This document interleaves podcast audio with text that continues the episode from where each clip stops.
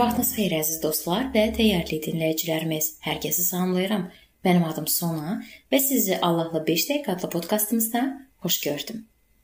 Bu gün mən sizinlə belə bir sual haqqında düşünmək istəyirəm. Bu nəyə gətirib çıxaracaq? Dəyişikliklər bəşəriyyət tarixinin bütün dövrlərində insanları həyəcanlandırıb. Vice kitabının müəllifi xəbərdarlıq edir Niyə keçən günlər bu gündən yaxşı idi demə, çünki verdiyin sual hikmətli sual deyil. Bu gün isə o zamanlara boylanıb özümüzdən soruşuruq. Onları hansı dəyişikliklər narahat edirdi? O zamanlar texniki inkişaf zəif gedirdi. Bəs bu narahatlığa səbəb nə idi?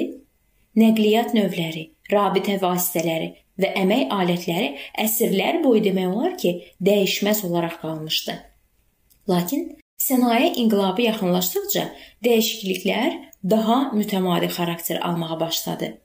Həmçinin ehtiyatlı olmağa dair çağırışlar eşidilirdi.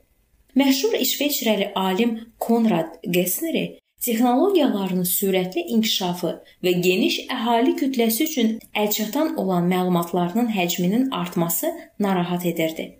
Bir insan hansı həcmdə bilikdən istifadə edə bilər və bu informasiya bolluğu cəmiyyətə necə təsir edə bilər? Başqa sözlə, bu nəyə gətirib çıxaracaq?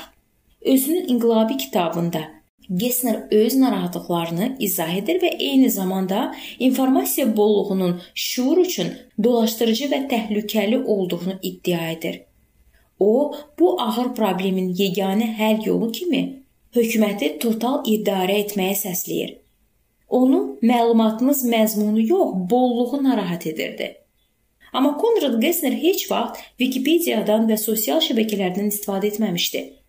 O 1565-ci ildə vəfat etdi. Onun narahatlığı isə Gutenberg tərəfindən icad edilən çap maşını sayəsində meydana gələn çaşdırıcı və zərərli kitab bolluğu ilə bağlı idi. O hesab edirdi ki, insanın düzgün şəkildə mənimsəyə bilməsi üçün təqdim edilən informasiyanın həcmi həddən artıq böyükdür. Buna görə də Gessner bir kitab çap etdirdi. O bu kitabda hökumətə bu təhlükəli vəziyyət qanunvericilik sayəsində çıxmağa dair çağırış edirdi. Amma nə qədər qəribə olsa da, onun kitabı da əlçatan informasiyanın çoxalmasına yol açırdı. Növbəti yüzillikdə 1680-cı ildə Alman filosofu və riyaziyyatçı Gottfried Leibniz çap edilən kitablarının sayı ilə bağlı oxşar narahatlığını izhar etdi. 18-ci əsrdə qəzetlərin populyarlığının narahat edici səviyyədə artması ilə bağlı həyəcanlı xəbərdarlıqlar yenidən səslənməyə başladı. Fransalı vəkil və yüksək vəzifəli məmur Mayzer 1775-ci ildə hökumətdən bu təhlükənin qarşısını almağa çağırdı O deyirdi ki, tarixən informasiya mənbəyi kafedra və imanlılar cəmiyyəti olub. Əgər hamı xəbərləri öz evində oxumağa başlasa, cəmiyyət hara yuvarlanar deyə o soruşurdu. O iddia edirdi ki, qəzetlər vətəndaş cəmiyyətinin əsaslarını sarsıdacaq. Buna görə də ölkənin gələcəyindən narahatlığını ifadə edirdi. Dövlət məktəbləri barədə deyək. İnformasiya bolluğu qarşısında qorxu təkcə çap məhsullarının sayısının artması ilə bağlı deyildi.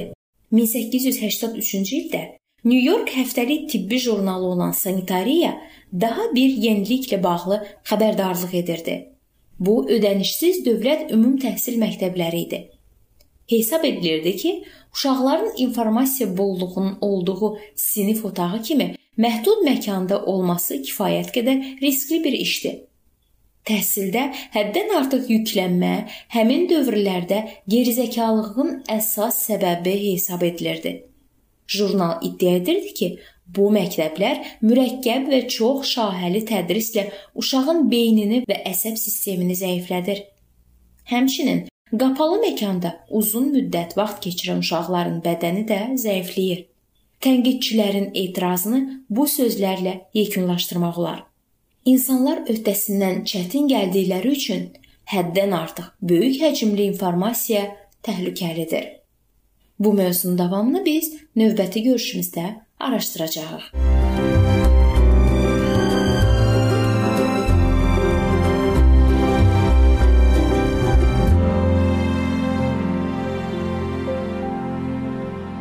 Beləliklə əziz dostlar, bu yerdə bu mövzu sona çatdı. Hər zaman olduğu kimi sizi dəvət edirəm ki, bizim podkastlarımızı Facebook səhifəmizdən və YouTube kanalımızdan dinləməyə davam eləyəsiniz. İndi isə mən sizinlə sağollaşıram və növbəti görüşlərdə görməyə ümidi ilə. Sağ olun, salamat qalın.